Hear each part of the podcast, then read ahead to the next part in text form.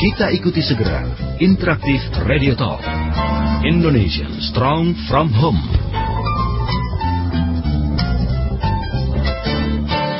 Indonesian Strong from Home bersama Ayah Edi, praktisi multiple intelligence dan holistic learning.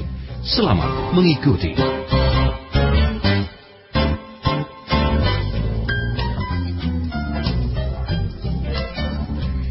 Halo keluarga Indonesia, selamat malam. Saya Riri Artakusuma. Senang sekali malam hari ini Alhamdulillah bisa kembali menyapa Anda, menyapa Indonesia dalam Indonesian Strong From Home bersama Ayah Edi. Dan seperti biasa, kalau misalkan di dalam Indonesian Strong From Home, Ayah Edi sudah selalu hadir menemani. Dan kali ini memang saya muncul muncul karena rekan saya Nancy Moko Ginta sedang berhalangan hadir. Tapi mudah-mudahan tidak mengurangi semangat Anda untuk sama-sama kita mencari tahu apa sih yang nantinya akan disiarkan oleh Ayah dan juga tamunya pada kesempatan malam hari ini. Saya ingin menyapa Ayah terlebih dahulu. Ayah, selamat malam. Selamat malam Mbak Riri dan selamat malam smart listener di seluruh Gimana tanah kabar air. Ayah malam hari ini? Uh, luar biasa. Luar Bahagia biasa. sekali nih. Uh, apa namanya dapat kesempatan emas bisa mengundang orang yang luar biasa nanti. Bener banget. Ya, nanti kita, Kita tahu akan siapa yang ya, kita Ayah, undang. ya. Iya. Dan nantinya semua sebelum saya menyampaikan siapa sih sebetulnya narasumber atau tamu kita pada kesempatan malam hari ini, Ayah bawa tamu loh ini ya. Jauh-jauh dari Surabaya. Dari katanya gitu ya. Surabaya. Datang ke sini hanya untuk memenuhi undangan Ayah Edi katanya gitu ya.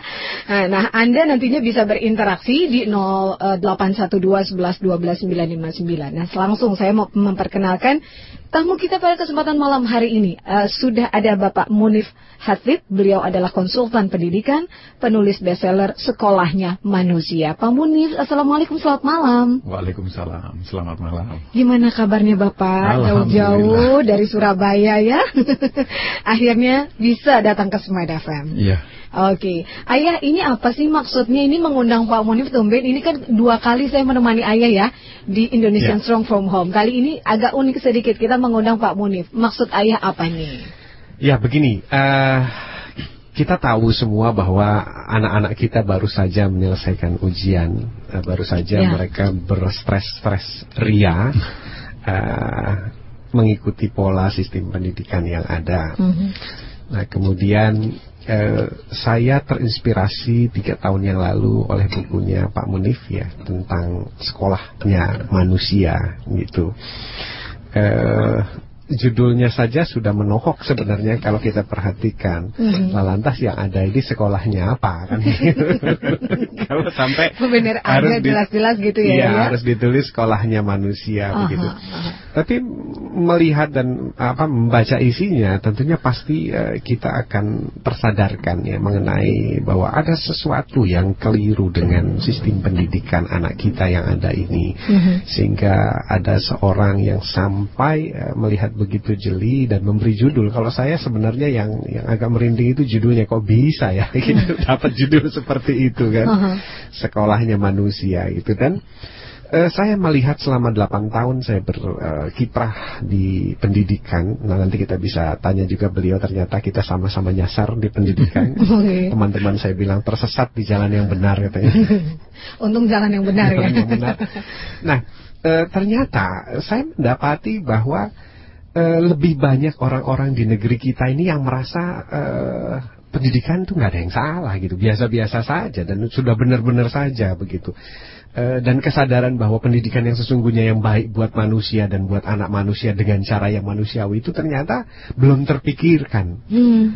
Nah, dari sana saya berpikir terus bagaimana atau kapan saya bisa eh, berbicara bareng dengan Pak Munif. Tapi itu baru sebuah pemikiran yang saya lemparkan ke Tuhan. Mhm.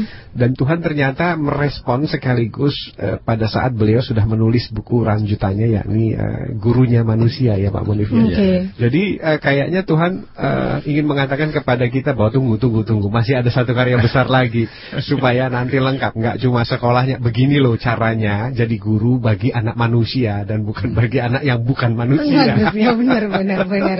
Ini sebetulnya dari judul kedua judulnya saja sudah sangat menohok ya ya. Ya, Selain ya. memang sinkronisasinya ada. Ya. Nah, kemudian eh, saya minta juga saya selalu eh, lempar kepada Tuhan karena Tuhan adalah eh, yang maha kuasa untuk mengatur momen-momen penting begitu. Akhirnya saya katakan e, kalau memang demikian, maka berilah saya sebuah momen untuk bisa mengundang Pak Munif untuk membongkar habis tentang dua bukunya di sini. Mm -hmm. e, mungkin saya pikirkan ya yang paling mudah adalah melalui e, radio talk kita karena mm -hmm. kita didengarkan oleh 20 kota di Indonesia. Paling tidak hari ini ada 500 ribu orang yang mendengarkan kita seluruh mm -hmm. Indonesia.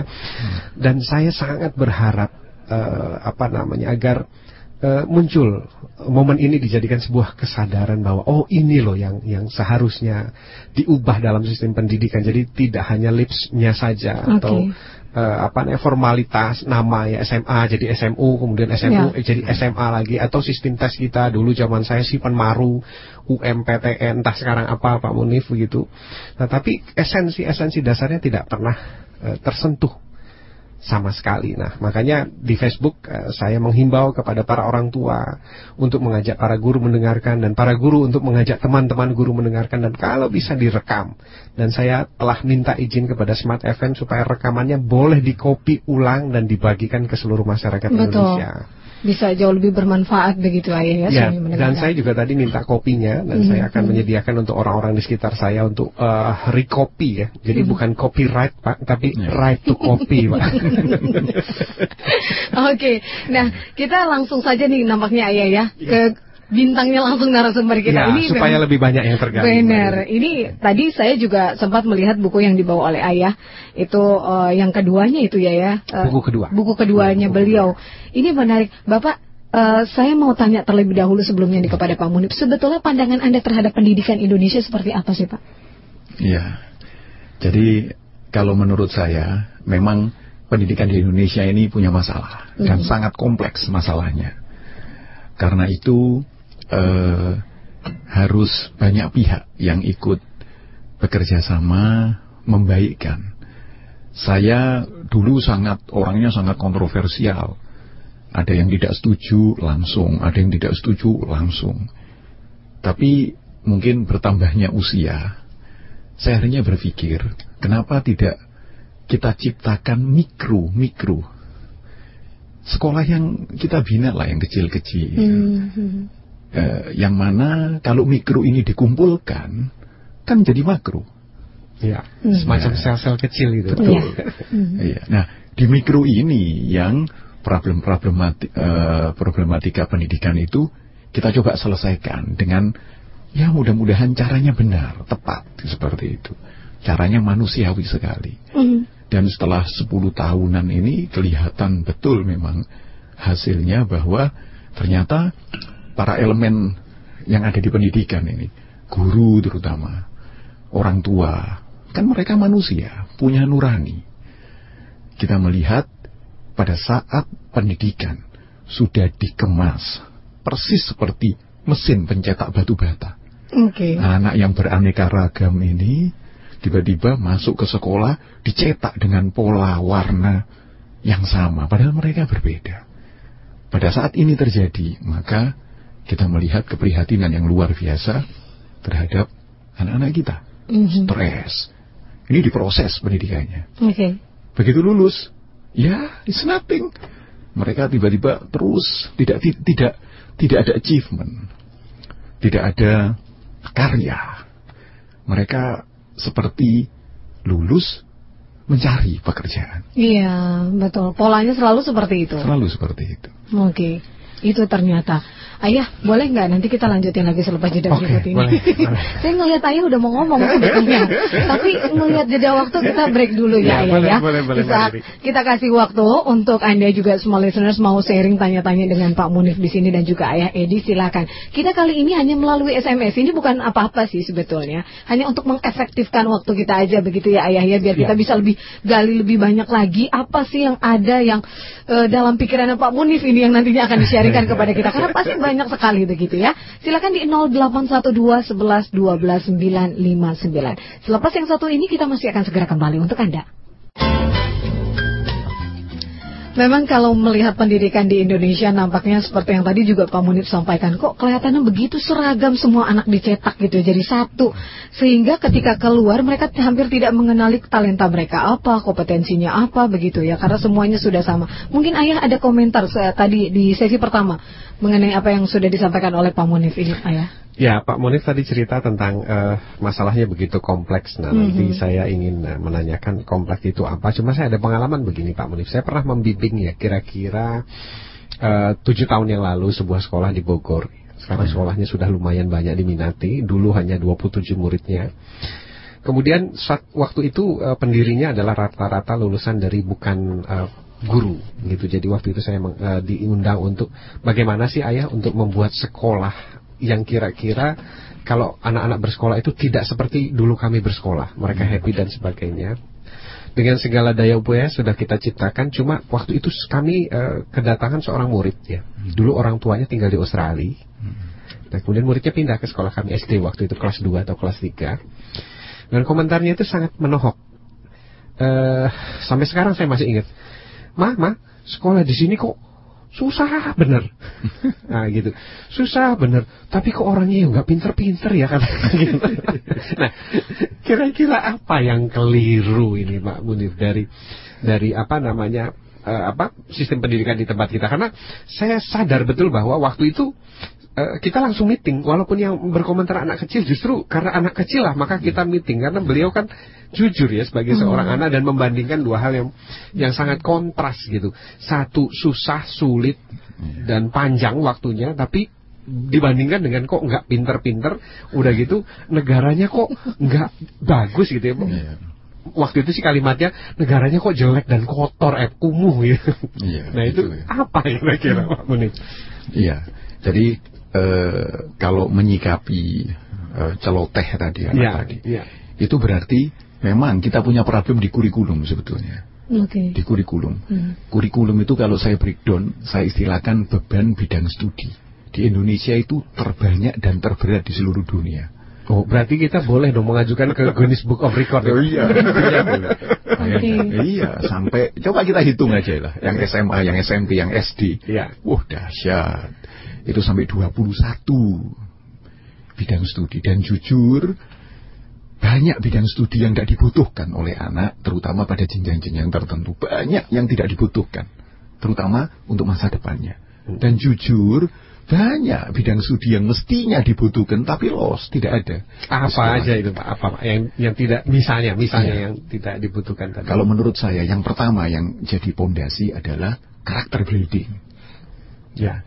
Baru tahun ini pemerintah atau Dignas getol menginformasikan bahwa kurikulum KTSP yang baru ini nanti adalah berbasis karakter.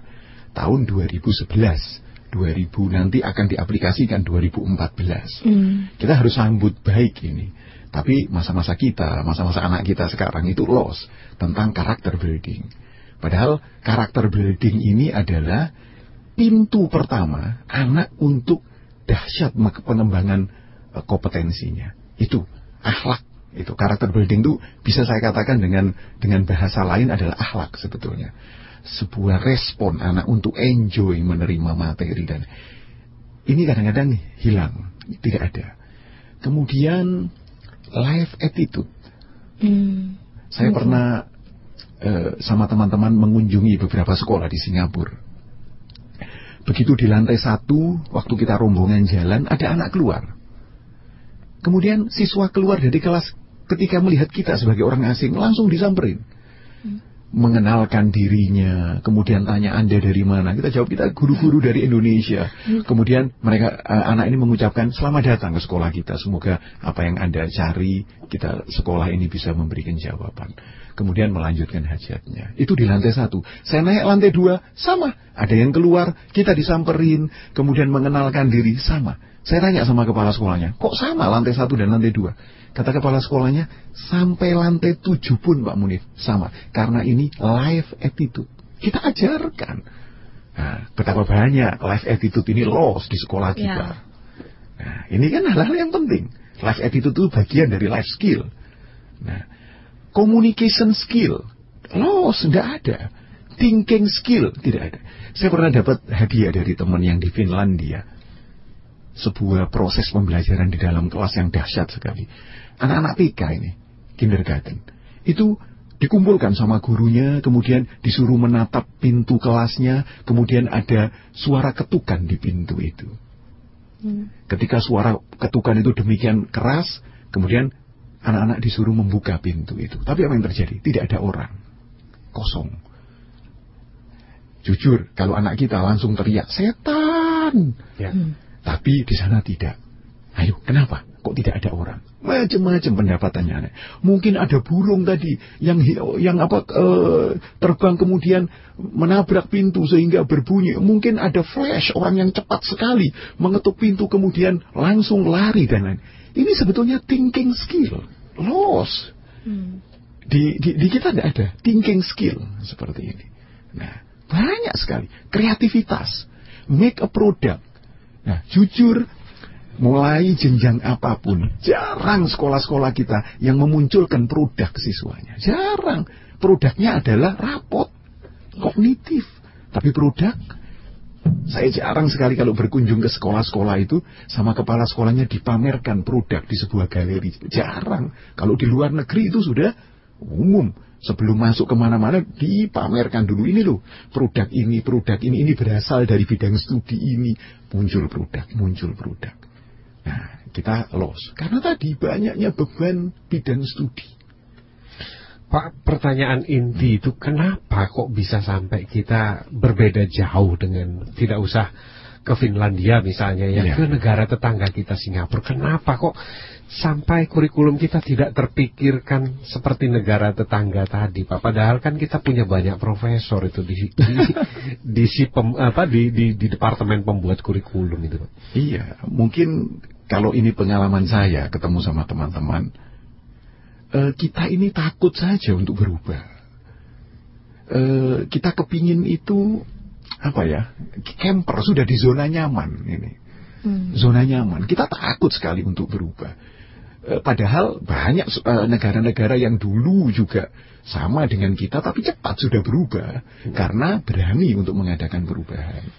Nah, Yang nyaman ini siapa? Karena saya melihat murid-muridnya tidak nyaman itu, Pak. iya. teriak-teriak setiap hari. Bahkan sekarang tingkat ketidaknyamanan itu saya Terus deteksi ya. juga. Iya. Hmm. Itu tidak hanya muridnya yang stres, tapi ibunya ikut stres. Betul, betul. Betul. Betul gitu Mbak Riri ya? Betul banget ayah. Ibunya ikut stres dan sekarang gurunya ikut stres. Cuma ya. jalan keluarnya nyontek bersama Iya, itu. iya, itu.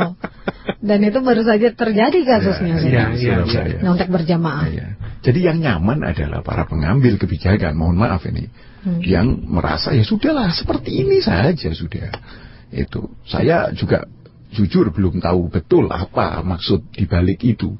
Melihat kondisi yang anak stres, orang tua stres, guru juga stres.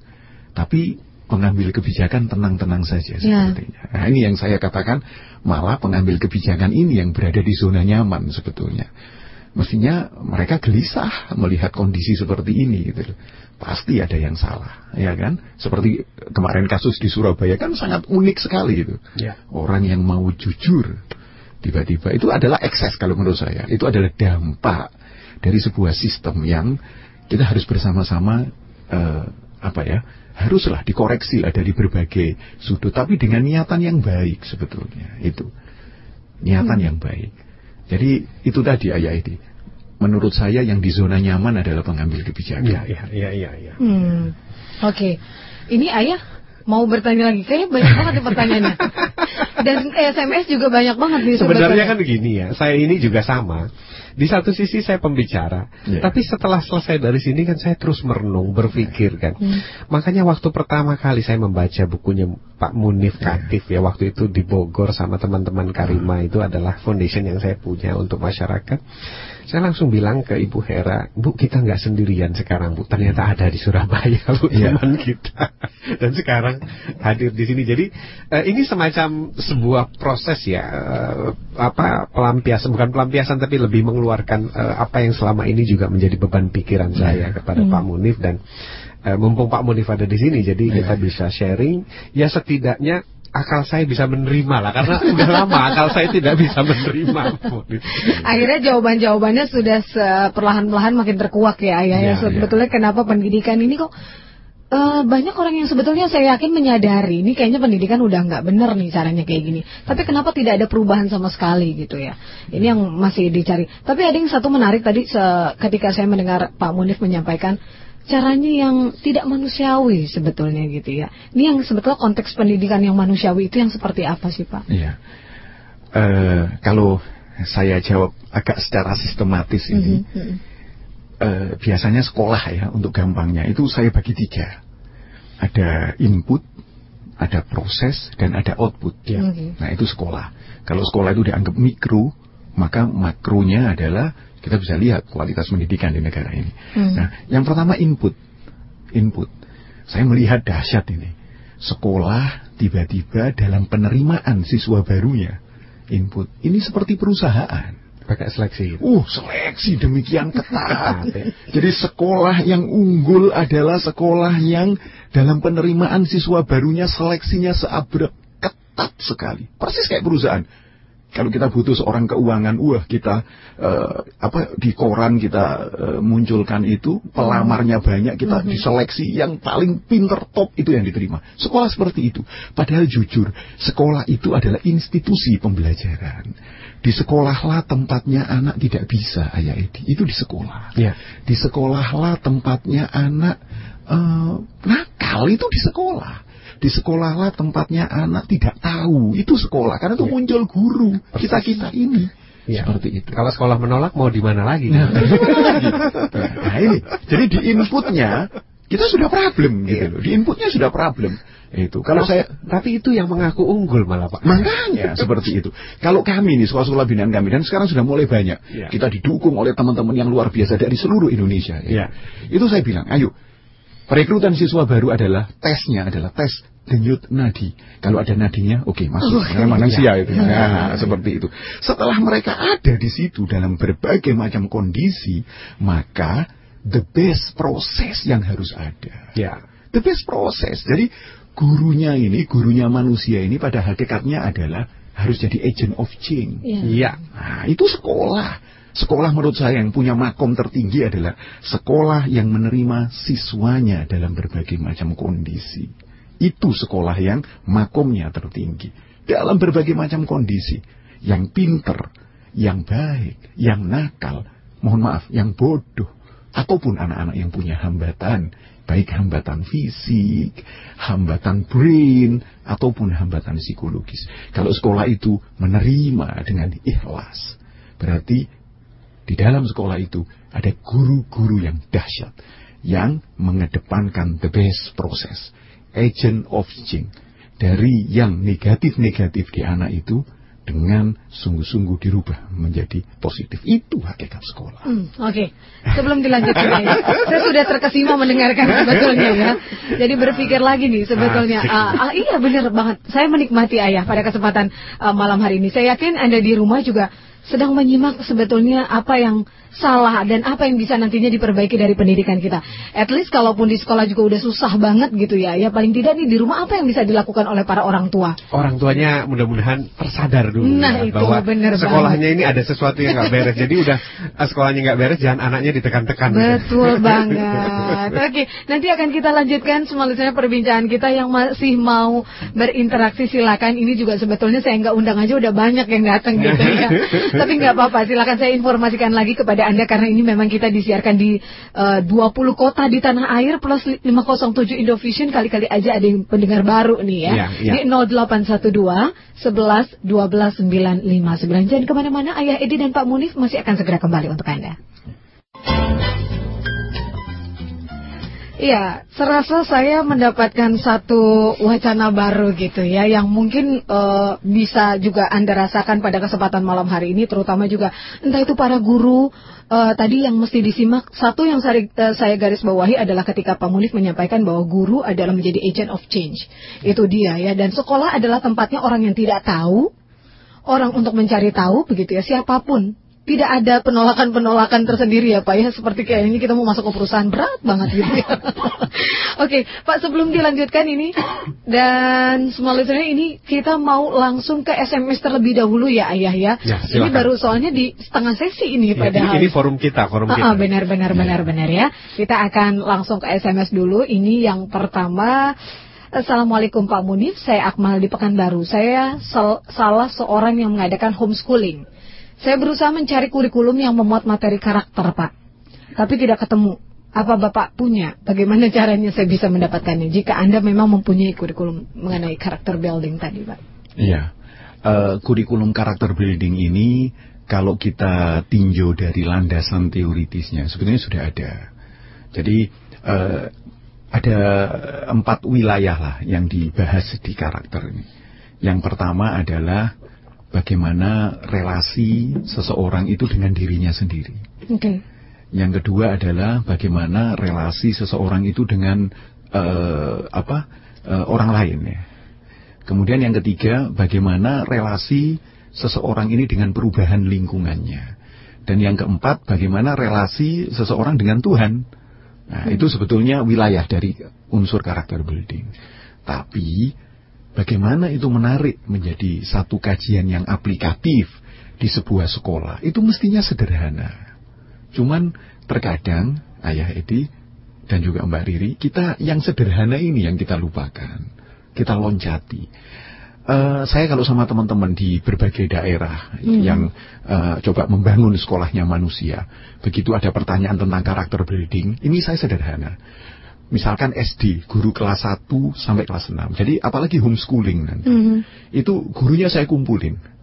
Coba catat negatif karakter di siswamu. Mulai okay. kelas 1 sampai kelas 6. Muncul itu dari guru. Satu jam mereka berpikir ada siswa yang suka mukul temannya, itu negatif karakter. Ada siswa yang sering uh, apa ya menggoda, kemudian ada siswa yang uh, sering uh, mengambil barang temannya dan lain itu muncul negatif karakter dan terkadang negatif karakter itu ada di kelas 1, kelas 2, kelas 3 sampai kelas 4 kadang-kadang. Nah, dari situ saya bilang sama guru-guru, itulah pintu masuknya. Karakter itu pasti ada do yang baik dan ada dun yang jelek. Bohong itu dun yang jelek. Tapi obatnya adalah do, kejujuran. Bagaimana? Nah, dari negatif karakter itu langsung kita buat silabus. Nah, oke. Okay untuk memukul teman mungkin kelas 1 sampai kelas 4 ini ada semua, tapi indikator hasil belajarnya kan beda. Mungkin lebih tinggi nanti di kelas ini. Nah, begitu guru-guru membuat itu, tiba-tiba sudah punya tema sendiri tentang karakter. Hari ini aku ingin ngajarin anakku bagaimana supaya tidak bohong. Oh, Karena okay. memang masalahnya di situ bohong. Bagaimana cara menghormati guru, bagaimana cara supaya tidak memukul temannya, tidak mengejek temannya secara fisik dan lain-lain. Itu temanya dahsyat kita dapat.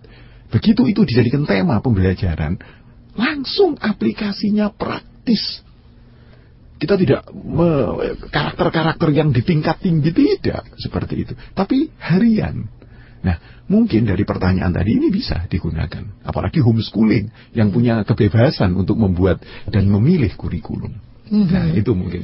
Oke, itu demikian ya untuk Pak siapa nih tadi Pak Akmal di Pekanbaru. Ayah ada tanggapan? Ayah juga terkesima menyimak. Iya. ya seperti itulah kira-kira uh, gambarannya. Hanya saya menambahkan sedikit. Mm-hmm. Ada faktor yang juga perlu diperhatikan dan mungkin ini menjadi kesulitan terbesar bagi kita. Sebenarnya banyak dari gurunya juga nggak berkarakter, Pak. Oke. Okay. Ya, ya ambil contoh saja eh, banyak guru-guru kita yang hadir terlambat. Ya, atau datang terlambat. Nah, bagaimana mungkin kita mengajak anak kita tepat waktu sementara kita tidak tepat waktu? Nah, jadi eh, apa namanya? Kenapa dalam hal ini saya eh, mengambil tematiknya parenting adalah ya. bahwa eh, perubahan itu dari kedua belah pihak juga gitu. Nah, anak-anak ini kan pencontoh yang luar biasa. Betul. Gitu. Bisanya anak mukul kan karena ada contoh cara memukul. Betul. betul. Enggak tiba-tiba baby itu kan bisa ngambil hmm. uang gitu. ya, Jadi memang uh, kami sendiri Pak itu punya problem dalam hal masalah mencari guru-guru yang berkarakter gitu Pak. Sampai saya sendiri tuh mengklaim bahwa saya sendiri juga kan dibesarkan dengan budaya tidak berkarakter gitu. Ya. Jadi biasanya saya kalau kebetulan anak saya homeschooling Pak Munif. Hmm. Jadi saya biasanya justru menggunakan anak saya itu sebagai evaluator buat saya. Hmm. Jadi kayak misalnya kemarin, ayah uh, kan anak saya bilang, nah kalau duduk uh, itu kakinya jangan ditaruh di meja nak.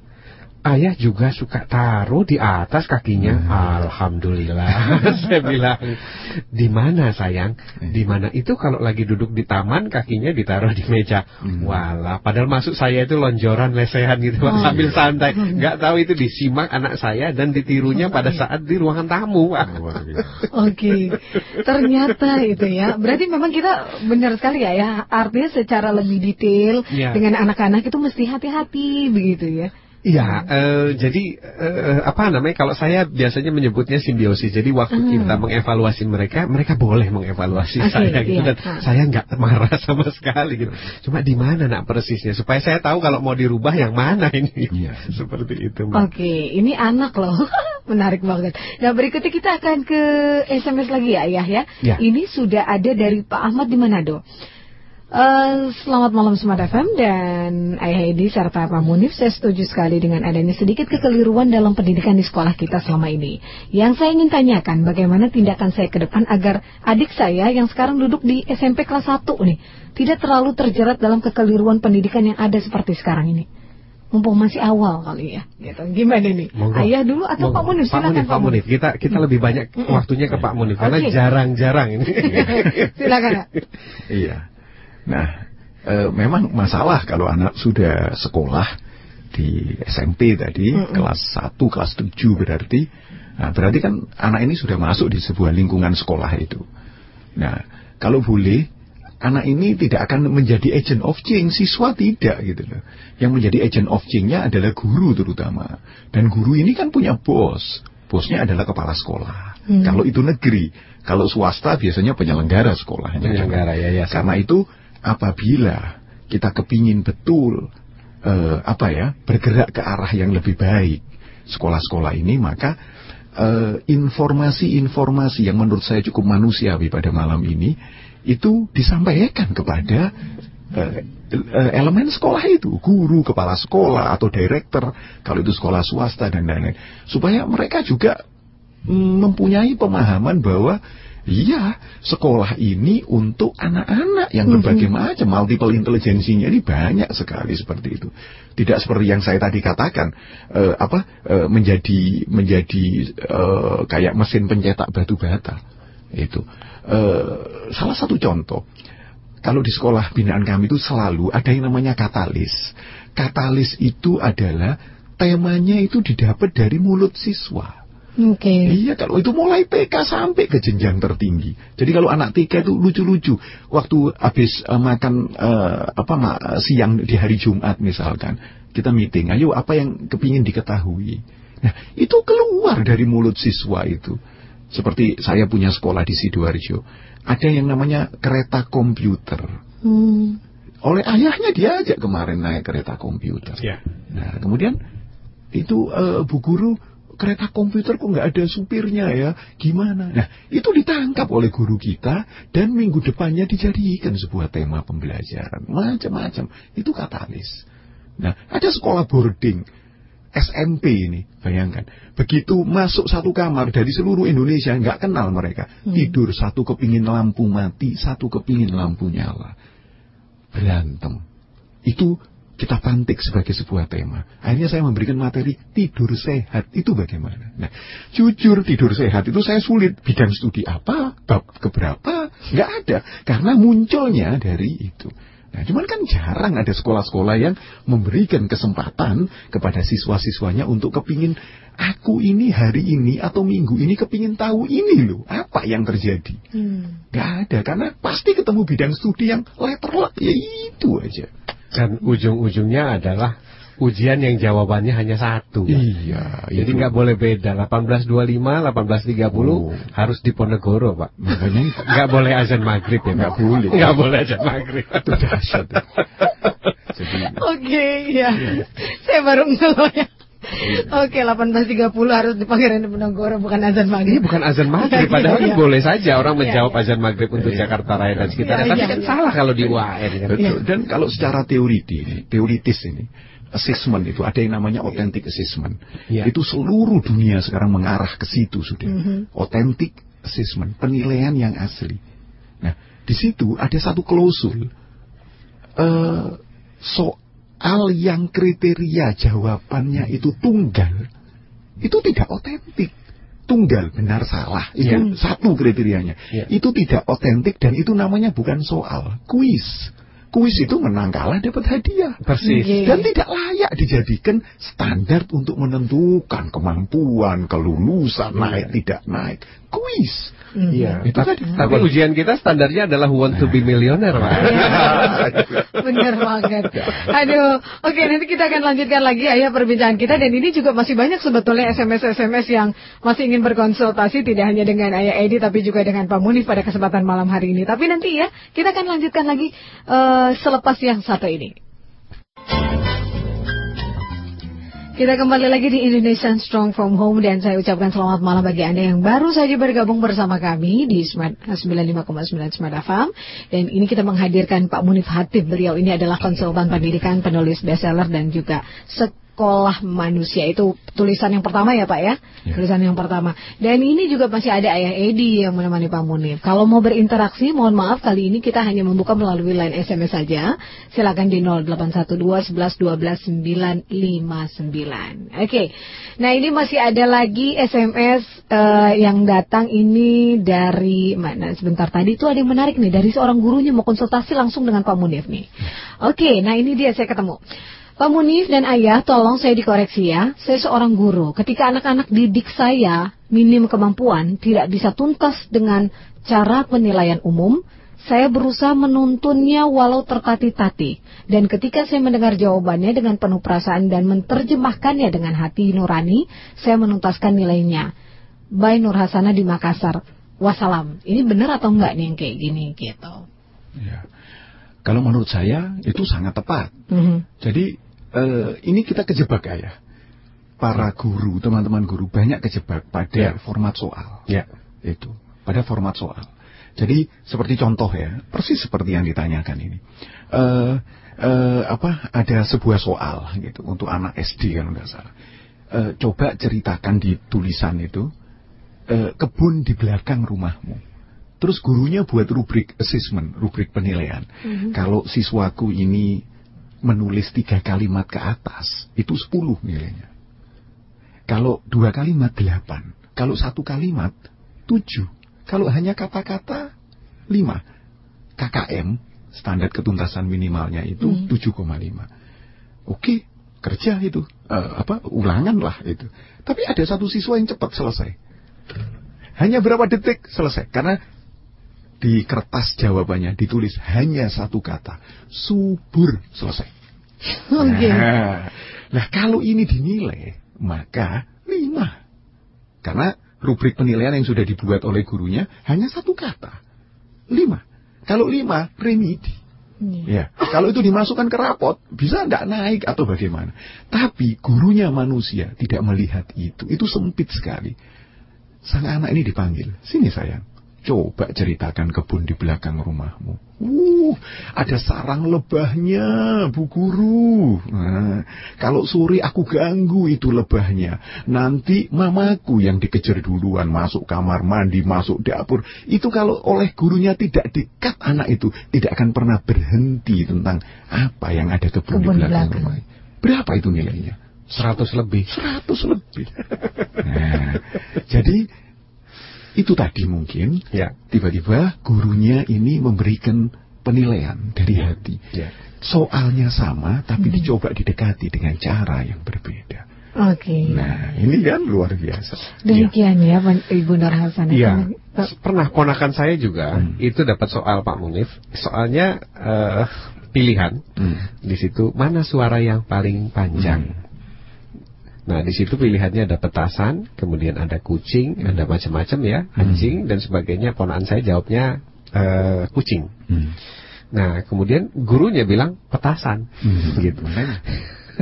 Nah, problem kali ini karena itulah dampak dari sebuah soal yang kriterianya tunggal. Hati-hati. Hmm, Ya. hmm. Ini. Jadi saya saya mengatakan ini namanya disability test. Ya. Tes ketidakmampuan.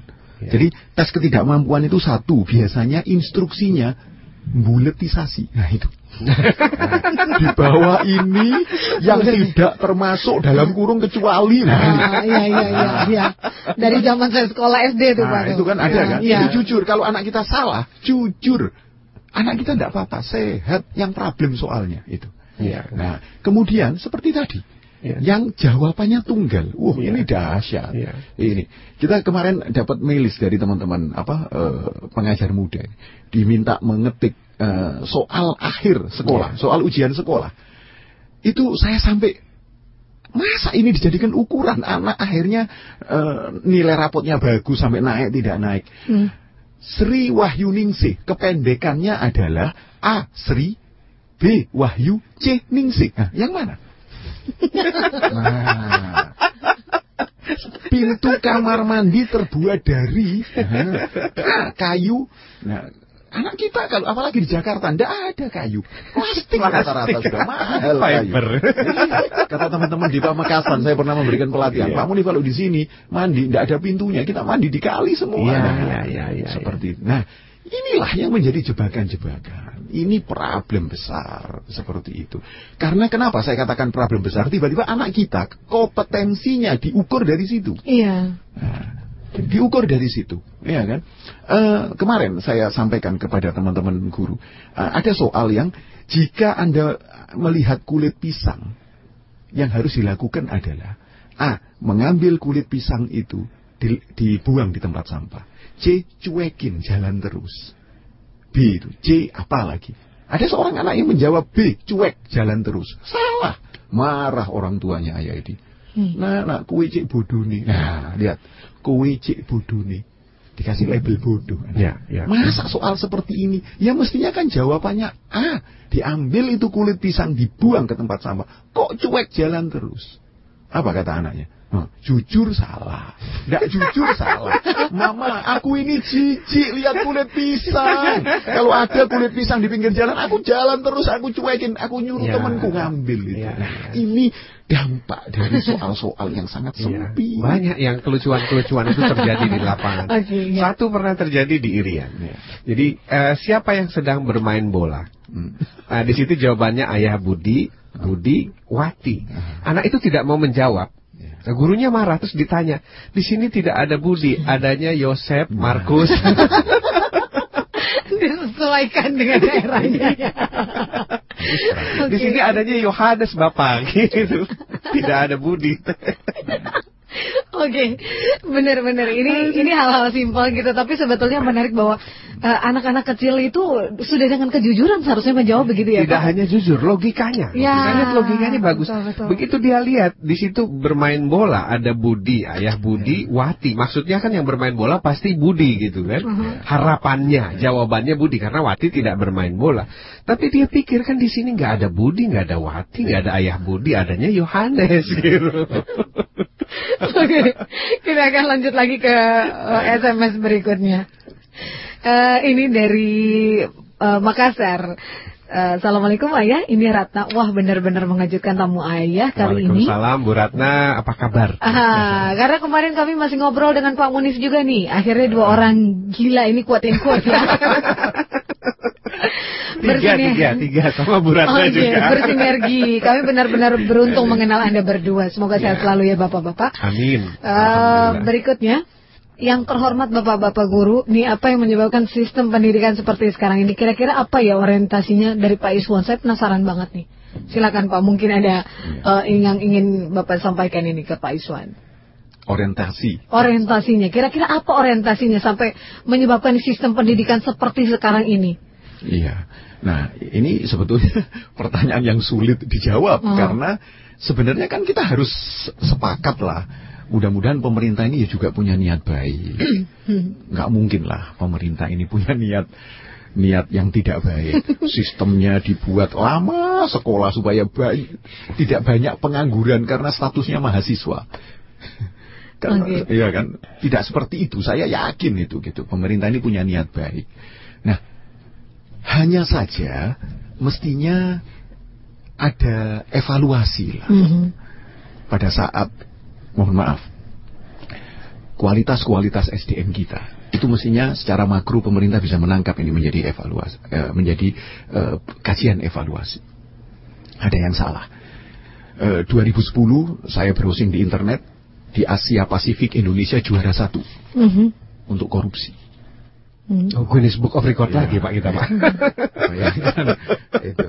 Jadi ada itu Mhm. Eh, di internet sudah di browsing aja lah korupsi itu. Indonesia juara satu tahun 2010 kemarin. Oke. Kemudian ini problem kan mestinya. What happened ini pasti sumbernya adalah pendidikan. Ya. Itu. Kemudian ada yang dahsyat lagi dari 246 kalau tidak salah eh, apa pemilihan kepala daerah itu 75 persennya itu money politik. Hmm, Oke. Loh, lihat itu kalau kita lihat secara makro lah. Guru kan tidak akan pernah melihat kondisi seperti itu, tapi pemerintah kan mestinya harus melihat. Itu bayangkan. Itu. Dan mohon maaf, bukan apa-apa. Kalau kita dulu belajar sejarah ya itu, Ya. pemimpin-pemimpin kita, negarawan-negarawan yang dahsyat Mhm, itu, mhm. di zaman Belanda, zaman penjajahan Jepang, itu mereka di penjara-penjara dulu, baru jadi pemimpin. Ya. Kalau sekarang kaget kita, memimpin dulu baru setelah selesainya Di penjara. oh iya benar benar benar. Beda sekali begitu ya Pak ya. Bahkan di penjara mereka bisa lebih produktif dulu ya. Sekarang bukan tidak produktif lagi, susah dicari begitu ya. Jadi kalau pemimpin dulu pelatihannya di penjara, kalau pemimpin sekarang berakhirnya di penjara. Aduh, aduh, aduh, aduh. Oke, nanti akan kita lanjutkan selepas yang satu ini. Semua listener kita masih ada paruh kedua bersama Pak Munif dan juga bersama Ayah Edi. Mohon maaf ini ada beberapa SMS yang belum saya bacakan, tapi tidak usah khawatir. Selepas yang satu ini kita akan kembali lagi di paruh kedua nanti. Jangan ke mana-mana, kami segera kembali. Indonesian Strong from Home sesaat lagi akan segera kembali.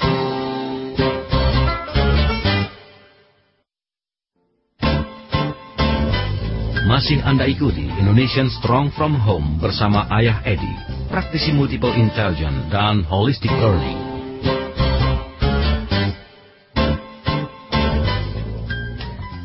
Kita sudah kembali ke paruh kedua. Jadi semua listener kalau misalkan Anda yang masih ingin berinteraksi dengan Ayah dan juga Pak Munif silakan masih di 0812 11 12 959. Kalau memperbincangkan mengenai pendidikan apalagi yang bagaimana kita bisa membangun karakter bangsa ini sejak dini begitu ya. Itu pasti banyak hal-hal yang memang mungkin terlihat simpel, terlihat sederhana tapi terlewatkan dan ini bisa kita bahas pada kesempatan kali ini begitu ya Pak Munif ya.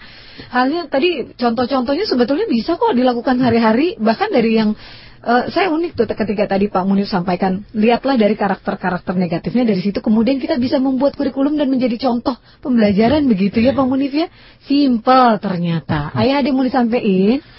Ya, eh, anak-anak kita itu cerdas sekali dan mereka itu logikanya luar biasa. Saya pernah Pak Munif eh, waktu itu mengelola membantu eh, proses pembuatan sekolah gitu. Ya, bagaimana cara mengajar? Ya saya ditanya pertanyaan yang sama, angkat aja topik yang sedang terjadi. Ya. Jadi satu ketika yang diangkat itu kasusnya seorang anak yang kentut, sedang kentut. oke itu menarik ya kentut. Nah, begitu mereka kentut semua rame. Habis begitu semua pelajaran ditinggalkan. Karena kenapa? Karena saran saya begini, percuma kita belajar apa pun kalau attitude-nya belum beres. Jadi attitude beres dulu baru bangsa ini bisa membangun. benar Nah, jadi begitu terjadi kentut, oke, kalau gitu kita bereskan masalah kentut dulu. Nah, waktu itu langsung dibuat lingkaran. Jadi pas terjadi kejadian kan masih anget nih dibuat lingkaran. Nah gurunya di tengah. Nah saya bimbing gitu. Apa yang harus dilakukan ya ayah tanya. Masing-masing anak ditanya, hei kalau kamu apa yang kamu lakukan sehabis kentut? Gitu. Terus jawabannya macam-macam variasi sesuai ya sesuai aslinya mereka. Ya. Kalau saya eh, ngaku nggak kentut, yang satu lagi pura-pura nggak kentut, terus sebelahnya lagi aku tunjuk aja sebelah yang kentut gitu. Nah baru setelah itu ditanya lagi sebelahnya, kamu gimana rasanya ditunjuk nggak kentut, padahal kamu nggak di- dibilang kentut, kamu nggak kentut kan? Akhirnya rame diskusi sampai mereka gitu, dan mereka sama-sama tahu gitu bahwa ternyata ada sesuatu yang saling tidak nyaman kalau kita lakukan yang salah begitu. Jadi Oh. karakter-karakter yang originalnya mereka muncul yang dibawa dari rumah tapi di situ di counter, di counter satu sama lain sampai mereka nyadari, oh ya gitu ya rasanya kalau orang nggak kentut dituduh kentut gitu. Sampai ujungnya setelah puncaknya gurunya tanya kalau begitu apa yang mestinya kita lakukan kalau kita mau kentut itu sampai akhirnya terbuatlah sebuah kesepakatan tentang pasal kentut Pak nah. anak-anak itu dahsyat kan? dahsyat dan itu saya terapkan di rumah sama anak saya gitu jadi kami punya kesepakatan di rumah siapa yang mau kentut ke kamar mandi atau keluar kamar dan baru masuk lagi. Masya Allah, anak-anak itu konsisten betul. Ya. Dan itu yang terjadi. Nah saya katakan, ya itulah karakter building. Ya. Nah setelah selesai pasal kentut, baru kita lanjutkan lagi. Ya. Seperti itu. Jadi rame sebenarnya. Eh, kita bisa buat hal-hal sederhana menjadi rame dan menarik. Dan anak-anak senang gitu ke sekolah pada akhirnya. Wah, menarik ya Pak ya. Ternyata dari hal-hal yang simpel saja, ini banyak jadi pembelajaran. Terutama buat anak-anak kita begitu ya. Oke, ini kita kembali lagi ya Ayah ya dan juga Bang Munif ini ke SMS. Ini selamat uh, malam. Pak, bagaimana menjadi guru sekolah manusia? Karena guru-guru kebanyakan masih banyak menilai ada anak yang bodoh, ada anak yang nakal, ada anak yang gak bisa dibilangin gimana nih Pak? Ini kan gurunya manusia nih. gurunya manusia gimana nih Pak? Silakan. Ya, seperti yang saya jelaskan di buku saya yang kedua ini, gurunya manusia. Sebenarnya gurunya manusia itu uh, syaratnya adalah hmm. kalau mau jadi gurunya manusia karena yeah. ada yang memang nggak mau gitu. Yeah. Nah, yang pertama adalah uh, para guru ini harus memandang setiap siswanya punya bintang juara itu. Kalau langkah pertama ini tidak dilakukan, oh ini anakku bodoh, ini tulalit, ini. Nah, kalau seperti itu maka untuk kelanjutannya itu sulit. Ini barrier, jadi penghalang. Jadi gurunya manusia harus punya paradigma bahwa setiap hmm. anak itu adalah masterpiece Tuhannya, karya agung Tuhannya. Nah, ini yang pertama. Kemudian yang kedua baru mengatakan bahwa kemampuan setiap anak ini harus diartikan luas, tidak okay. sempit. Ini. Jadi kalau setiap anak ini adalah juara, Kan juara itu biasanya menunjukkan sebuah kemampuan. Ya. Kemampuan yang harus ditarik yang luas. Kalau kita belajar di kampus psikologi perkembangan itu, kemampuan anak itu ada yang berkaitan dengan psikokognitif, ada psikomotorik, ada psikoafektif. Jujur, kita kejebak, sempit lagi. Anak mampu kalau kognitifnya saja. Padahal ada dua lagi psikomotori, kreativitas anak ini. Sayang ayah ini, kreativitas anak bisa baca puisi, bisa membuat ini. Itu tidak ada ujian nasionalnya. Sayang. Ya. Nah, anak yang punya karakter baik, ya kan selalu responnya kalau dalam proses pembelajaran itu luar biasa sama gurunya, sama temannya dan lain-lain. Ini tidak terpantau sebagai sebuah potret kompetensi atau kemampuan. Persis. Tidak ada ujian nasionalnya. Hmm, hmm. Persis. Dan banyak yang cerita tidak ada beasiswa untuk anak pembaca puisi. Nah, betul. Seperti ini. Nah, jadi gurunya manusia harus tiga ranah kompetensi ini harus adil. Itu. Hmm. Nah, yang ketiga, gurunya manusia harus memandang setiap anak punya multiple intelligence. Ini kalau tadi yang pertama adalah bintang. Ya. Kalau kita lihat di malam hari, uh bintang-bintang itu indah berkelap-kelip. Semua anak punya bintang. Masterpiece. Saya percaya Allah tidak pernah melahirkan produk-produk yang gagal. Tidak pernah. Nah, yang kedua, samudra luas. Kemampuan anak itu luas. Dan yang ketiga, anak itu punya harta karun, multiple intelligence, yang setiap anak ini banyak. Dan mungkin beda-beda dari satu ke yang lain. Nah, yang keempat, bagaimana gurunya manusia melakukan discovering ability. Discovering ability, menjelajah kemampuan anak kita meskipun sekecil debu. Jujur, kita kejebak lagi. Guru punya hobi discovering disability. Yang dilihat sama anak ini salahnya terus, itu banyak. Banyak. Saya selalu kalau sama teman-teman guru, ayolah buat hobi baru, discovering ability. Anak kita yang imut-imut, lucu-lucu, bisa nutup pintu, nutup jendela, kasih apresiasi. Luar biasa, sudah bisa tanggung jawab kamu nak ya. Itu nanti anak itu akan cerdas. Nah, gurunya manusia harus melakukan ini.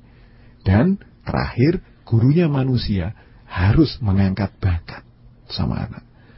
Karena kalau profesi itu tanpa ada bakat ini. Uh, profesi, bisa jadi dokter bisa, tapi dokter yang tidak kreatif biasanya. Hmm. Dokter yang kalau ada masalah di pekerjaannya, tidak bisa menyelesaikan.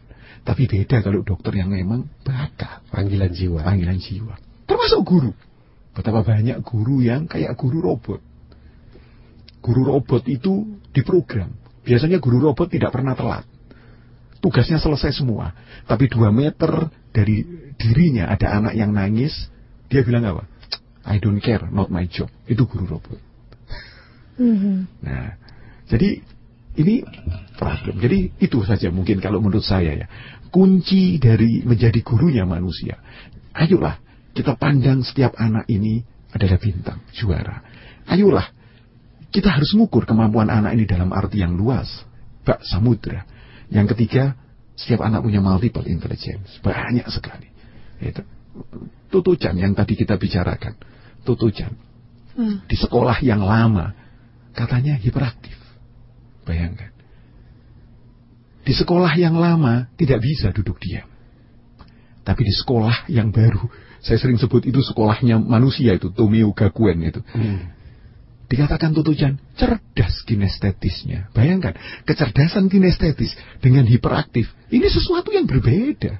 Iya. Yang satu hambatan, yang satu kemajuan. Ini. Nah, jadi sebenarnya itu. Nah, kemudian ayo bagaimana guru ini melakukan discovering ability, selalu menjelajah siswanya, kemampuan siswanya meskipun sekecil debu. Discovering beda dengan founding. Kalau founding itu kalau nggak ketemu berhenti. Tapi kalau discovering tidak ketemu terus dicari. Hari ini nggak ketemu, besok besok seperti itu. Nah, kalau guru kita seperti itu dahsyat. Dan saya yakin guru kita bisa seperti itu. Oke. Kalau ada satu guru yang bisa, kenapa sudah guru tidak bisa? Jadi gurunya manusia mestinya manusia ya. Dan ada empati gitu loh ya. Ini benar tadi Pak. Saya jadi ingat akhirnya eh, apa merimain waktu ketika saya eh, sekolah SD itu ya. Kalau misalkan salah dikit udah langsung penggaris panjang banget gitu kan. Ini nggak boleh, ini nggak boleh. Jadi anak-anak memandang guru itu takut. Tidak bisa menjadi sahabat yang lebih dekat begitu. Ya. Pak Munif, saya kan eh, pernah punya pengalaman beberapa kali mengajar ya sampai seribu lebih lah mengajar guru berkali-kali. Hmm. Saya biasanya suka iseng nih Pak Munif. saya tanya gitu di awal-awal dari guru yang saya ajar misalnya 100 gitu. Siapa sih yang dulu cita-citanya pengen jadi guru? Wah jeblak Pak. Itu paling ngangkat tangannya cuma dua tiga. dari 100 loh Pak. Iya. Nah terus saya sama teman-teman guru itu akhirnya ngobrol. Kami sama-sama guru kan sering ngobrol gitu.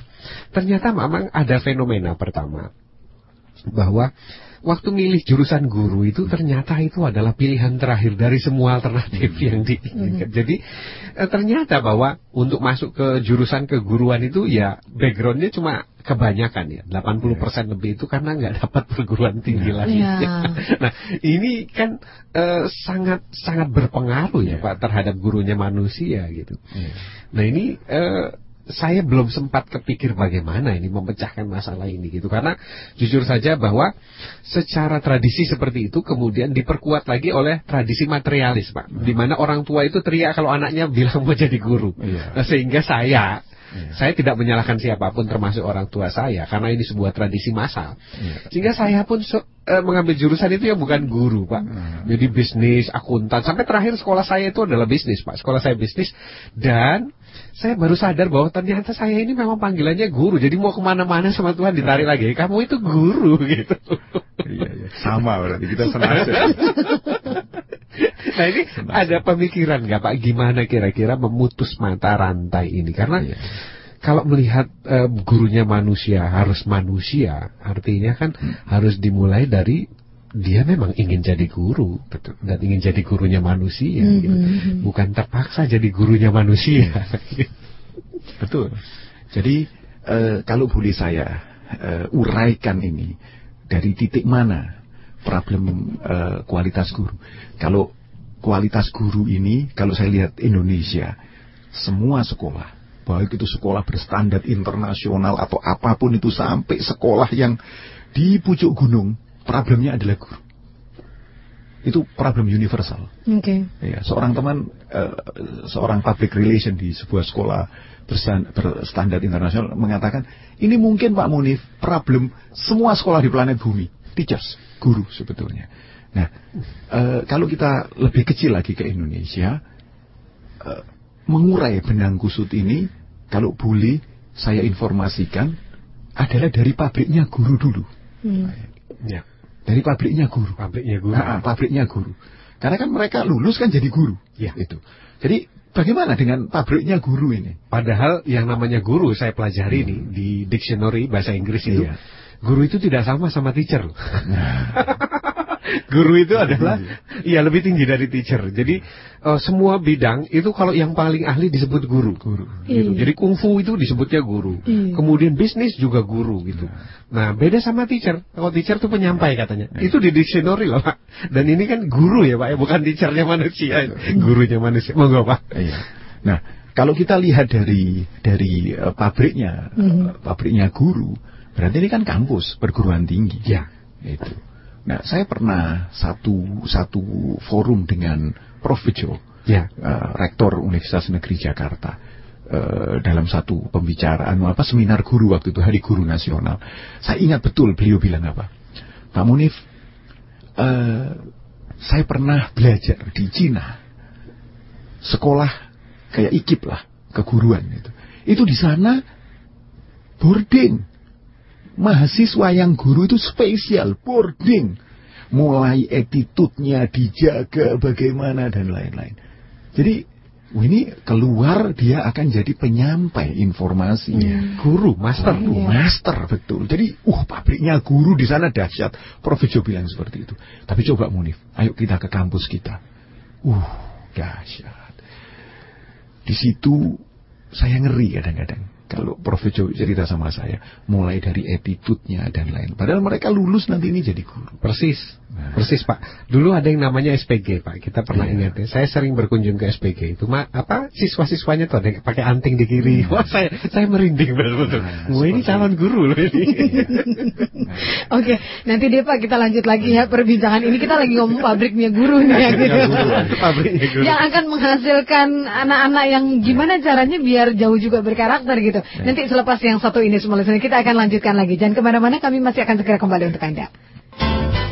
Masih Anda ikuti Indonesian Strong from Home bersama Ayah Edi, praktisi multiple intelligence dan holistic learning.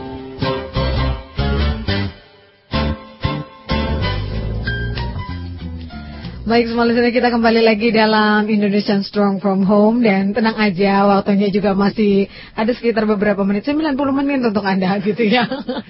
Nampaknya ini saya sebetulnya tidak perlu mengundang ini juga sudah banyak gitu yang entah Terundang ya. terundang gitu kan dan ter aduh kayaknya ini saya banget nih. Ada yang satu hal juga menarik ketika kita berbicara sekolahnya manusia, gurunya manusia. Ini ada lagi orang tuanya manusia. Karena ternyata banyak orang tua yang tidak memanusiakan anaknya begitu ya Pak. Tapi labelnya orang tua Iya, gitu. iya, iya. Oke nih saya langsung bacain aja ya biar tambah seru nih perbincangan kita. Em, Assalamualaikum Ayah dan Pak Munif. Eh, ini sungguh duet maut yang maha dahsyat buat saya. Nah, jika banyak orang tua yang bingung mencari sekolah dan guru manusia, kami justru kebalikannya. Kebingungan mencari orang tuanya manusia. Karena begitu banyaknya orang tua yang tidak memanusiakan anaknya. Bagaimana cara kami yang ingin menjadi sekolah agent of change menangani fenomena ini? Dari ba dari Balita Schooling Medan. Oke, silakan. Ya. Pak Munif. Ya, sebenarnya jawabannya adalah sangat eh, sama dengan apa yang syarat menjadi gurunya manusia kan. Mhm. Orang tua itu adalah guru pertama anaknya sebetulnya. Ya. Orang tua adalah guru pertama anaknya. Jadi sebenarnya sama yang tadi saya katakan. Bagaimana kita bisa melihat anak kita ini harus punya mental juara dan seterusnya. Nah, hanya masalahnya adalah orang tua sebagai konsumen pendidikan kalau menurut saya.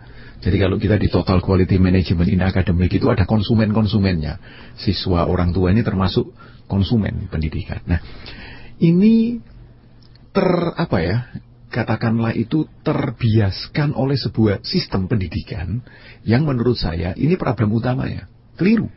Sehingga orang tua kadang-kadang sadar, iya ya, aku ini terlalu mempreser anakku. Mhm. Itu apa yang ada di kepala orang tua maunya blek dimasukkan ke kepala anaknya. Itu anakku TK harus bisa baca.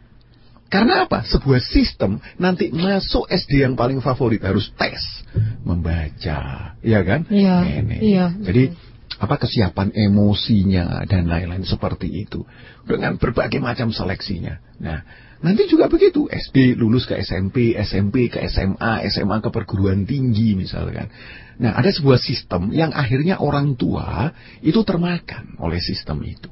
Nah, inilah yang menyebabkan orang tua tiba-tiba menjadi kalau saya destroyer buat anak-anaknya. Iya. Uh, eh, orang tua itu punya andil dalam sebagai mesin pembunuh bakat anaknya. Itu orang tua. Nomor satu. Nomor satu.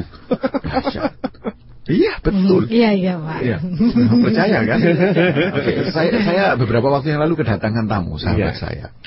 Mohon maaf, semuanya dokter S3 sudah. Yang satu kan berdua ini, Iya. kita bertiga sahabat, teman SMA saya. Iya.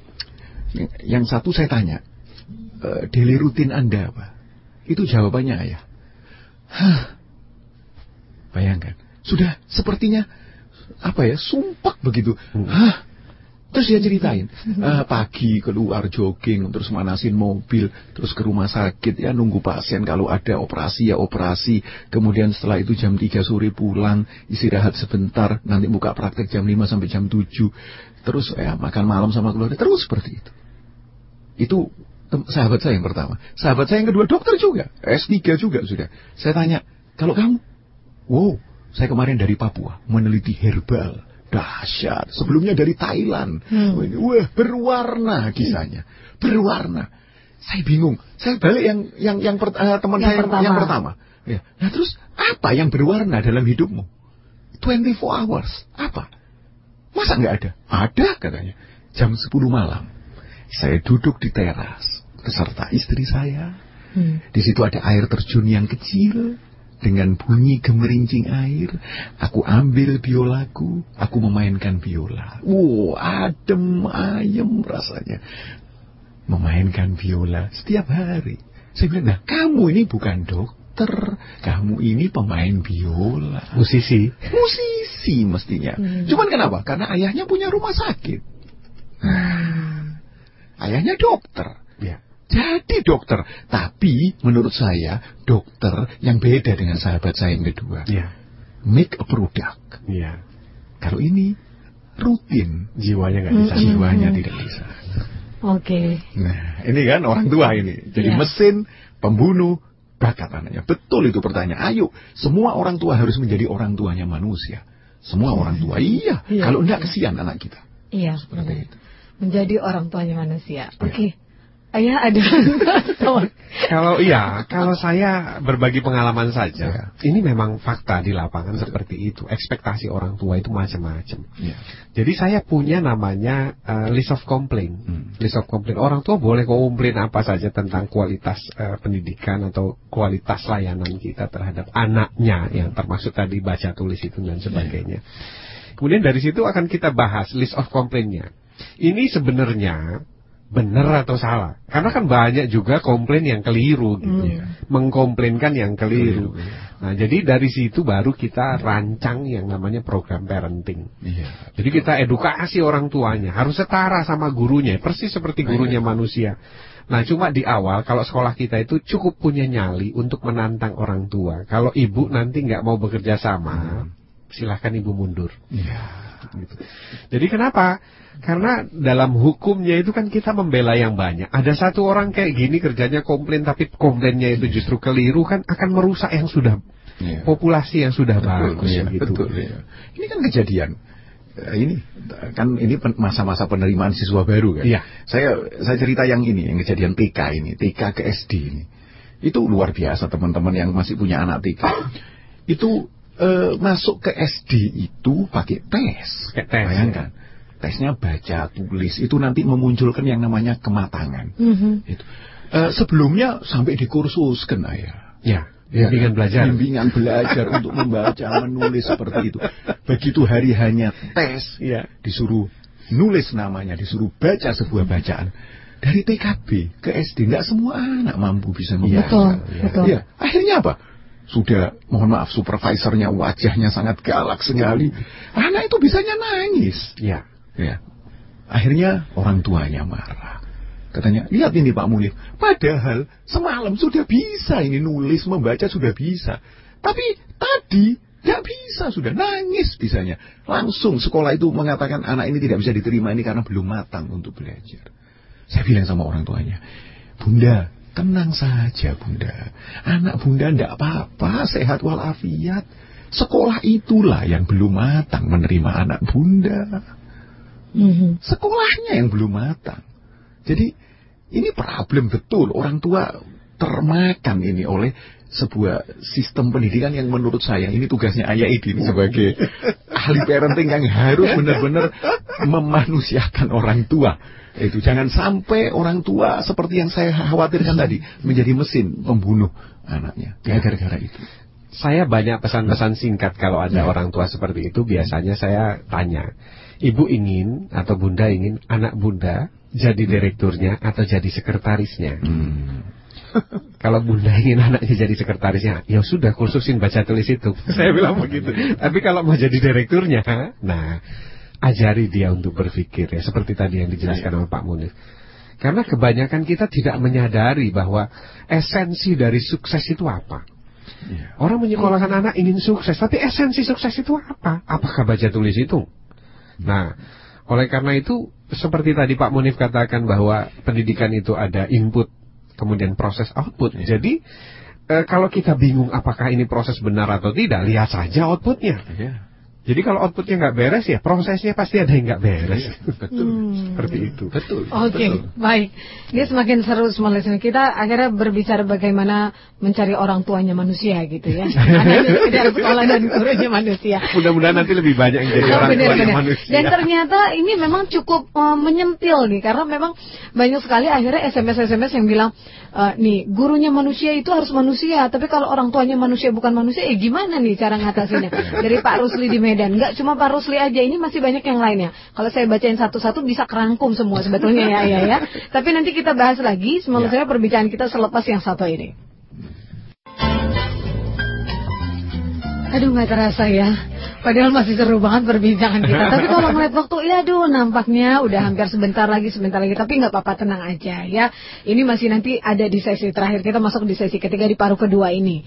Nah kalau misalkan juga mau berinteraksi juga masih bisa. Silakan semua listener di 0812 11 12 959. Tadi kita berbincang-bincang tidak hanya mengenai bagaimana sekolahnya manusia dan juga gurunya manusia, tapi juga orang tuanya manusia begitu ya, ya, ya. Ya. Nah, Pak, yang saya juga ingin pengen tanya nih, nggak cuma ayah gitu kan. Saya sekarang juga kan berkecimpung nih Pak ya, sedikit di pendidikan gitu.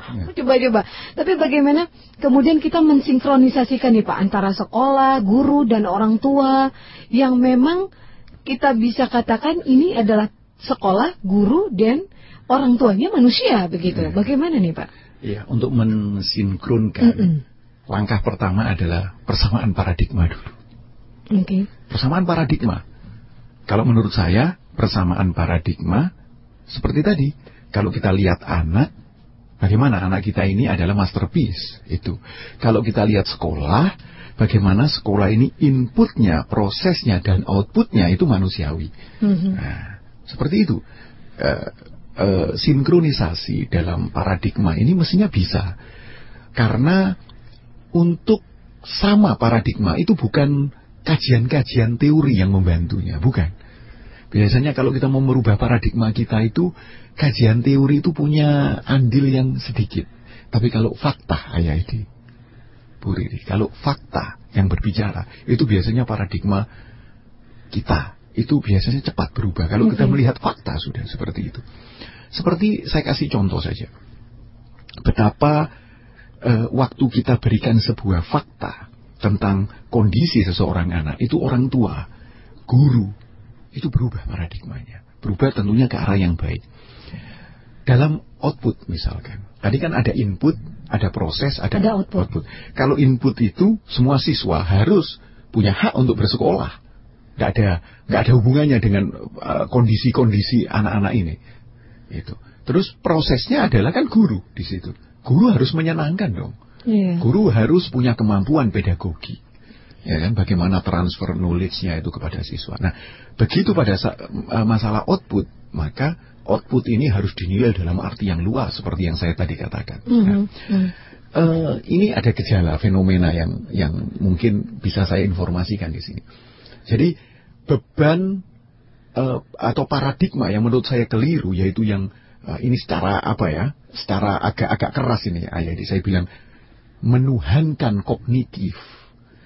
Nah, jadi segalanya adalah angka nilai. Nah, kalau angka nilai itu pasti nanti masuknya ke ranking. Anak di ranking.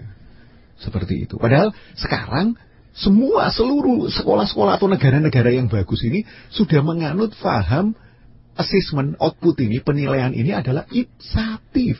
Anak itu diukur dari anak itu perkembangannya sebelum sampai hari ini. Apa perkembangannya? Nggak bisa setiap anak itu tiba-tiba di ranking. Nah, nilainya ini dibandingkan dengan anak yang lain dan lain-lain. Kucing dibalapkan lari dengan kuda. Nah, seperti itu. Nanti kalau ini terjadi, maka Hmm. saya khawatir, saya khawatir ada penyakit otak ini. Saya baca di buku, Apa itu Pak? namanya kognitif sedang. Kognitif sedang. Sedang. Sedang itu mati. Ya, Ya. Kognitif sedang ini ciri-cirinya ciri-cirinya. Nah ini tolong dicatat. Ya, tolong dicatat. Ciri-cirinya adalah anak kita kalau dikasih soal, soal-soal ini ke- Mhm. kertas, itu seperti melihat es krim atau pizza. Senang. Uh, senangnya digarap betul Iya. dan hasilnya bagus. Tapi kalau anak kita diberikan masalah, yang terjadi adalah anak kita lola lolo. Hmm. Nah, seperti contoh, nah ini gimana adikmu sudah tiga kali mecahin kaca tetangga sebelah, caranya gimana? Sang anak bilang apa? Bakar aja rumah tetangga. Nah, lihat. Jujur, kalau kita lihat fakta, anak kita keluar bermasyarakat dari jenjang sekolah, itu tidak ketemu soal, ketemunya problem, masalah. Masalah. Itu. Hmm. Nah, Dan kalau- yang begini dibilang pinter. ya? nah, ini problem. Juara ya. Tuh. Iya. dahsyat kan? Mhm. Nah, jadi Iya, iya. ini kognitif sedang seperti itu. Jadi sesatnya kita ini udah se ini ya Pak, setitik nadir ya. Ya, mudah-mudahan lah di forum ini Ya. ada Ada sebagian minimal perlahan-lahan Iya, tersadarkan betul, gitu ya. Seperti itu. Pencerahan. Pencerahan. Iya. iya. Kan Oke. banyak lah eh, kita bacaan buku-buku ya yang Mm-mm. eh, katanya seorang akan sukses itu kalau apalagi sekarang spiritual intelligence. Woi, Iya, ya, iya, ya. Betul, betul, betul. Harus balance Iya. EQ, IQ, SQ gitu Iya, ya. harus- Tapi zaman kita dulu nggak begitu Pak. Zaman kita sekolah dulu kan ada semacam doktrin ya. Hmm. Kalau masuk A1, wah. Nah, itu, itu kasta, kasta. Kasta. Iya. Benar banget. Saya A1, ngerasa ya A2. itu masa-masa itu. Ya A3 sama A4 sampai A5. A5 itu agama. nah itu katanya paling paling tidak pinter makanya ke- keberagaman kita ya kayak begini. Nah, makanya Aduh. itu munculkan fakta gitu loh. Kata Iya. siapa? Yang bahasa A4. Iya. Orang tidak akan sukses. Loh, Iya. Banyak kan Wes mau Hendra. penulis, iya, Iya. penulis lokal maupun dari luar sukses. Iya. Seperti itu. Jadi ya inilah paradigma ini. Kalau dikasih fakta biasanya cepat itu berubah. Iya. Tapi kalau dikasih teori-teori malas Iya, kita iya. berpikir. Ah, Oke, Nah. baik. Kita lanjut lagi ke SMS ya, ya, ya. Oke, makin mumet sebenarnya gitu ya. Ternyata sudah mendarah daging persoalan soalnya. Oke, berikutnya. eh, selamat malam, ayah saya setuju dengan Indonesia Strong from Home kali ini. Tapi bagaimana cara menjembatani jika eh, SDM di rumah sendiri masih rendah nih? Mohon solusi. Terima kasih. SDM di rumah mungkin termasuk orang tua, anak, asisten yang ada di rumah begitu ya, ayah ya. Nah, kemudian berikutnya em, ini dari sebentar. Dari Makassar. Wah, Makassar malam hari ini banyak sekali ya. Saya setuju bahwa untuk memperbaiki mutu pendidikan melalui guru, pabrik guru, dan pengambil kebijakan. Saya punya usul nih kepada Bapak berdua untuk mengadakan dialog dengan para penentu kebijakan. Oke. Oke. Biarkan itu menjadi PR-nya Ayah dan Pak Munif ya. Iya. Kita tunggu hasilnya. Berikutnya Pak Munif dan Ayah Edi ajak dong Bapak M. Nuh dan semua stafnya ikut seminar multiple intelligence Anda berdua di narasumber supaya mereka juga tahu ilmunya nih dari Ibu Hamidah guru SMP di Medan. Oke. Berikutnya Rame Hmm. ini meriah. Rame ini ya. Ayah saya sangat setuju sekali bahwa guru adalah agent of change. Tapi betul sekali nih banyak sekali guru-guru yang tidak berkarakter. Sekarang ini ngajar jadi cuma ngajar katanya gitu ya. Adakah sekolah yang mencetak guru-guru yang benar-benar guru gitu ya? Karena saya kurang eh, sekarang kuliah di keguruan tapi nggak dapat mata kuliah karakter building nih ayah. Gimana nih ayah solusinya? Karena saya mau jadi gurunya manusia nih, bukan jadi gurunya robot dari Eka di Bogor. Itu sebuah kesadaran yang bagus Oke, itu. oke. Iya. Silakan, silakan beberapa ini dulu ditanggapi. Mungkin dari Pak Munif atau dari Ayah Hedi dulu, silakan. Ayah. Silakan Ayah. Ya, kalau dari saya begini, apa yang kita selenggarakan via Smart FM, kemudian kita mengundang Pak Munif jauh-jauh di sini adalah tujuan kita satu, ingin memutus mata rantai kesalahan. Ya. Memutus mata rantai kesalahan yang sudah mentradisi. Jadi eh, kalau sudah mentradisi, jadi dianggapnya sebuah kebenaran. Nah, mudah-mudahan dengan adanya talkshow kita berdua, ya kita bisa eh, sama-sama tentunya nggak cuma kita yang ada di sini kita semua sama-sama memiliki kesadaran oke kalau dulu saya berbuat salah sekarang kita coba ubah begitu. Kalau dulu saya menekan anak saya ke sekolah oke sekarang saya sadar bahwa begini begini begini begini. Nah kalau misalnya kita bicara tentang Pak Muhammad Nuh dan sebagainya ya tadi Pak Munif di awal sudah membuka.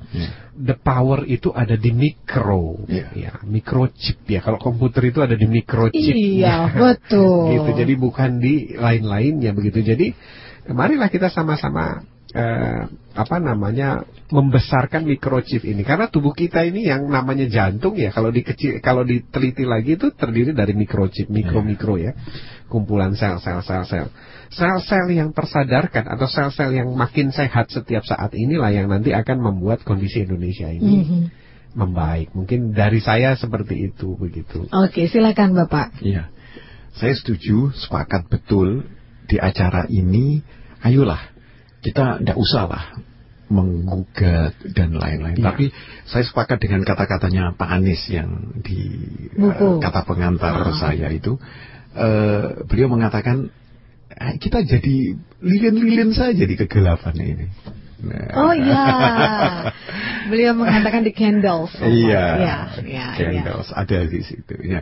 Jadi saya setuju sekali gitu. Nah ini kan konsep mikro tadi ya. ya. Mhm. Ah, konsep mikro itu eh, apabila konsep mikro ini secara nurani dianggap benar, secara manusiawi dianggap benar, maka pengambil kebijakan harus melihat ini juga menjadi sesuatu kebenaran.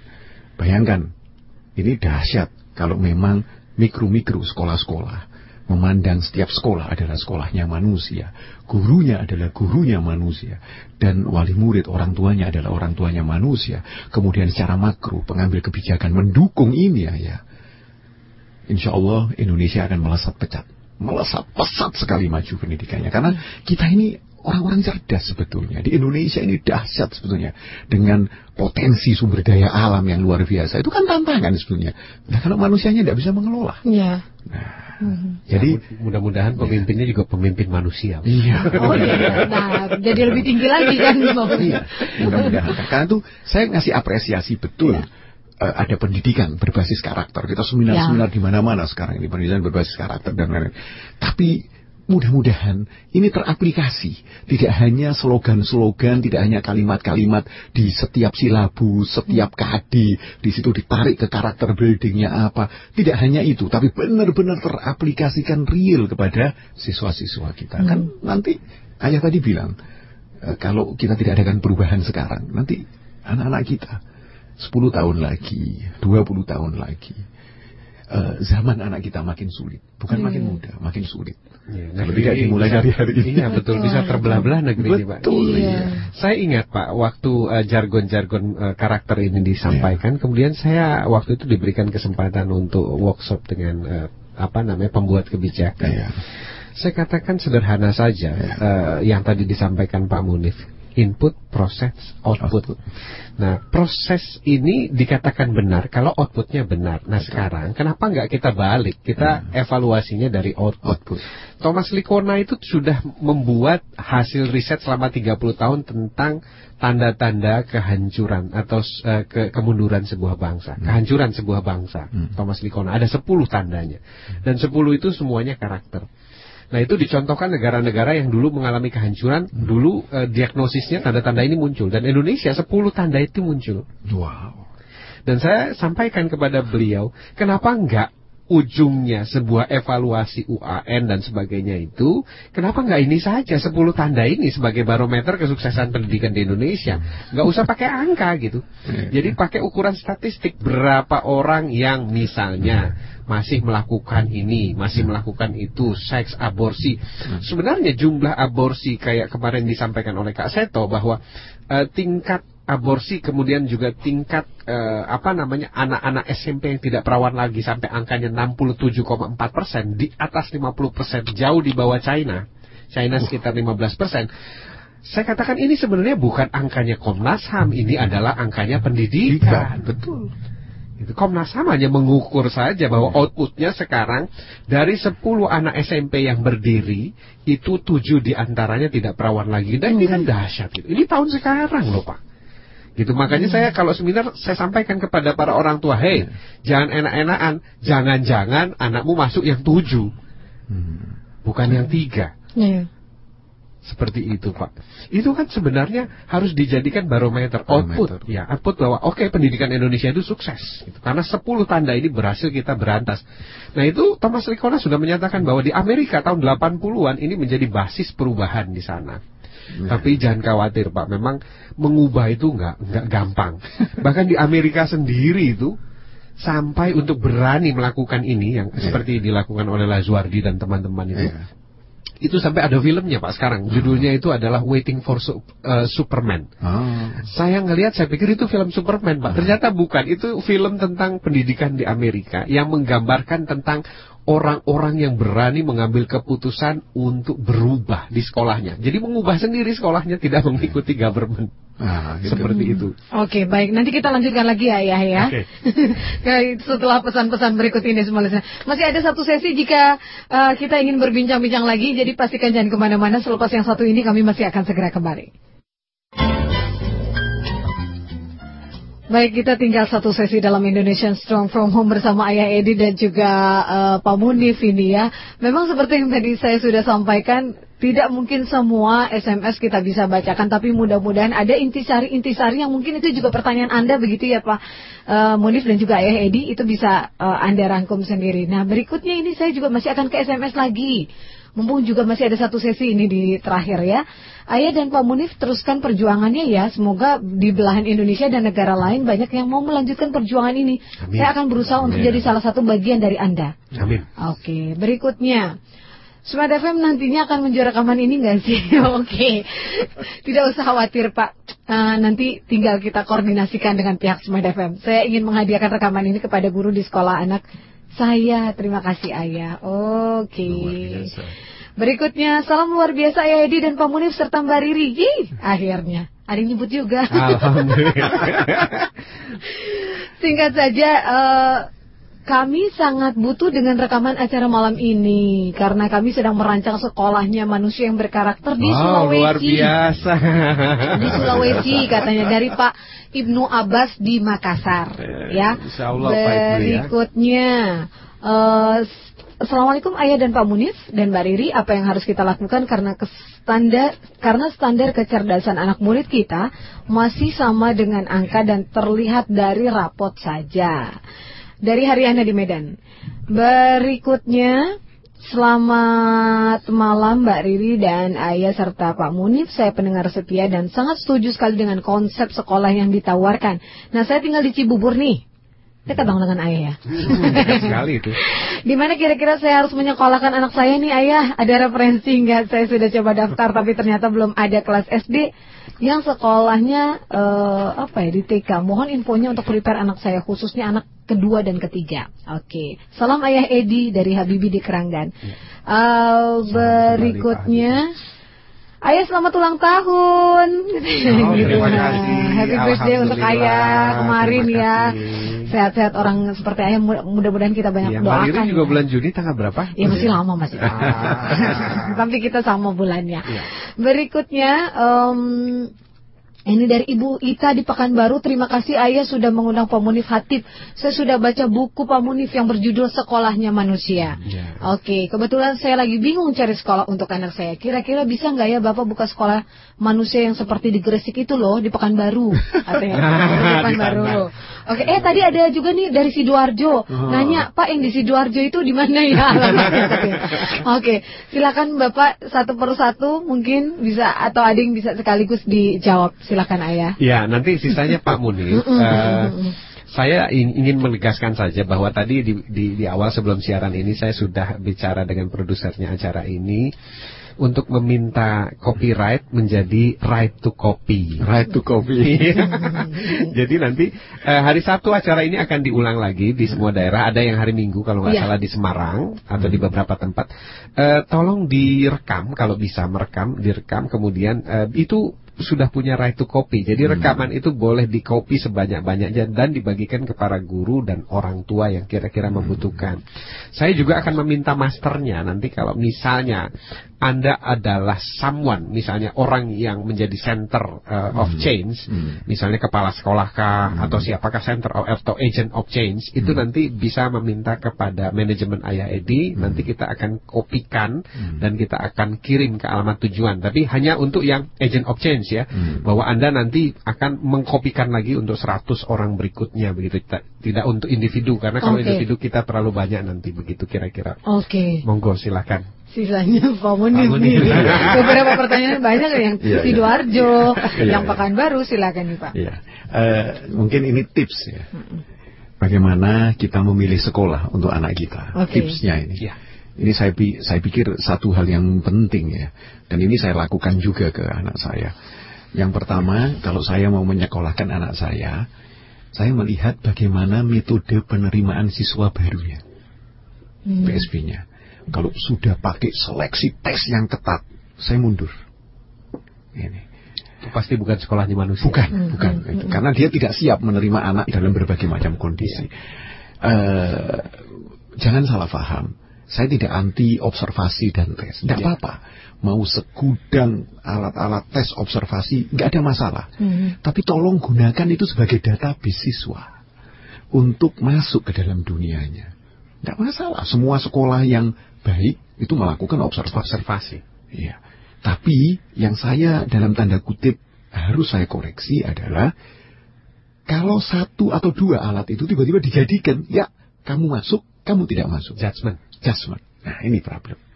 Jadi dari penerimaan siswa baru. Kalau secara bergurau, saya bilang alat tes yang paling bagus itu tes denyut nadi. Nah, ada nadinya, oke masuk sudah karena itu Anak manusia. Anak manusia sudah seperti itu. Nah, ini yang pertama. Jadi pola penerimaan siswa baru itu Nah, masyarakat sekarang eh, terbius oleh oh kalau itu sudah sulit masuk di situ Jadi hebat. jadi hebat. Nah ini, ayo ayo harus kita kita bu- buanglah paradigma Kita seperti bongkar. itu. Kita bongkar betul ya. Di malam ini mudah-mudahan semua orang tua menyadari itu. Kita bongkar seperti itu. Betapa saya kalau sudah penerimaan siswa baru itu saya biasanya ke sekolah-sekolah yang seperti itu, Ayah Edi.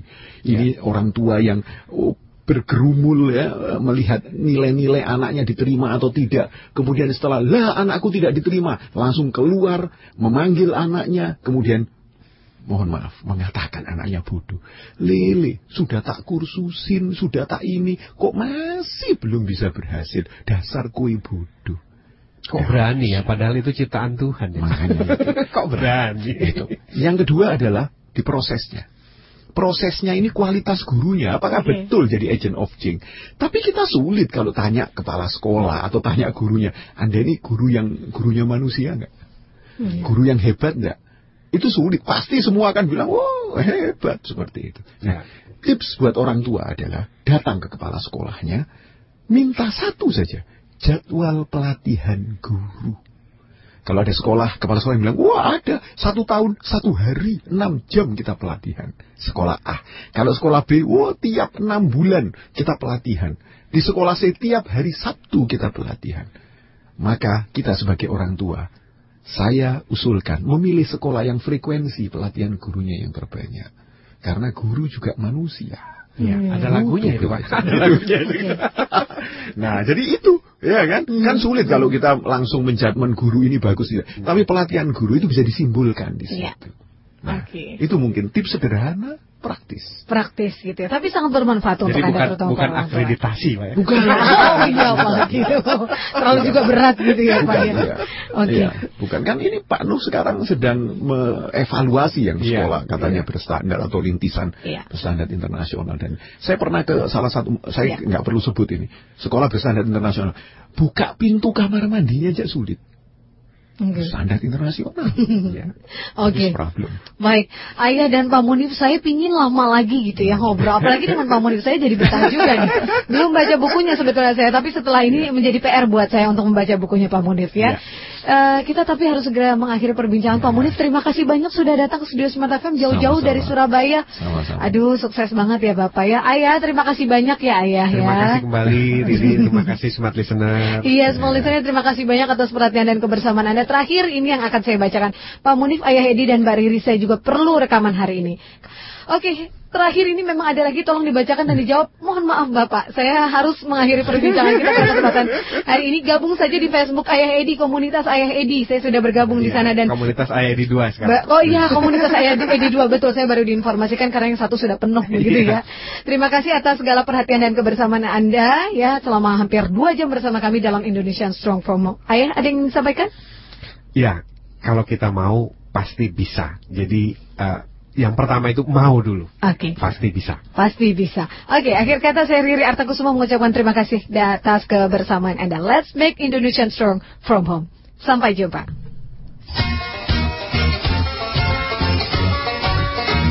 Telah Anda ikuti Indonesian Strong From Home bersama Ayah Edi.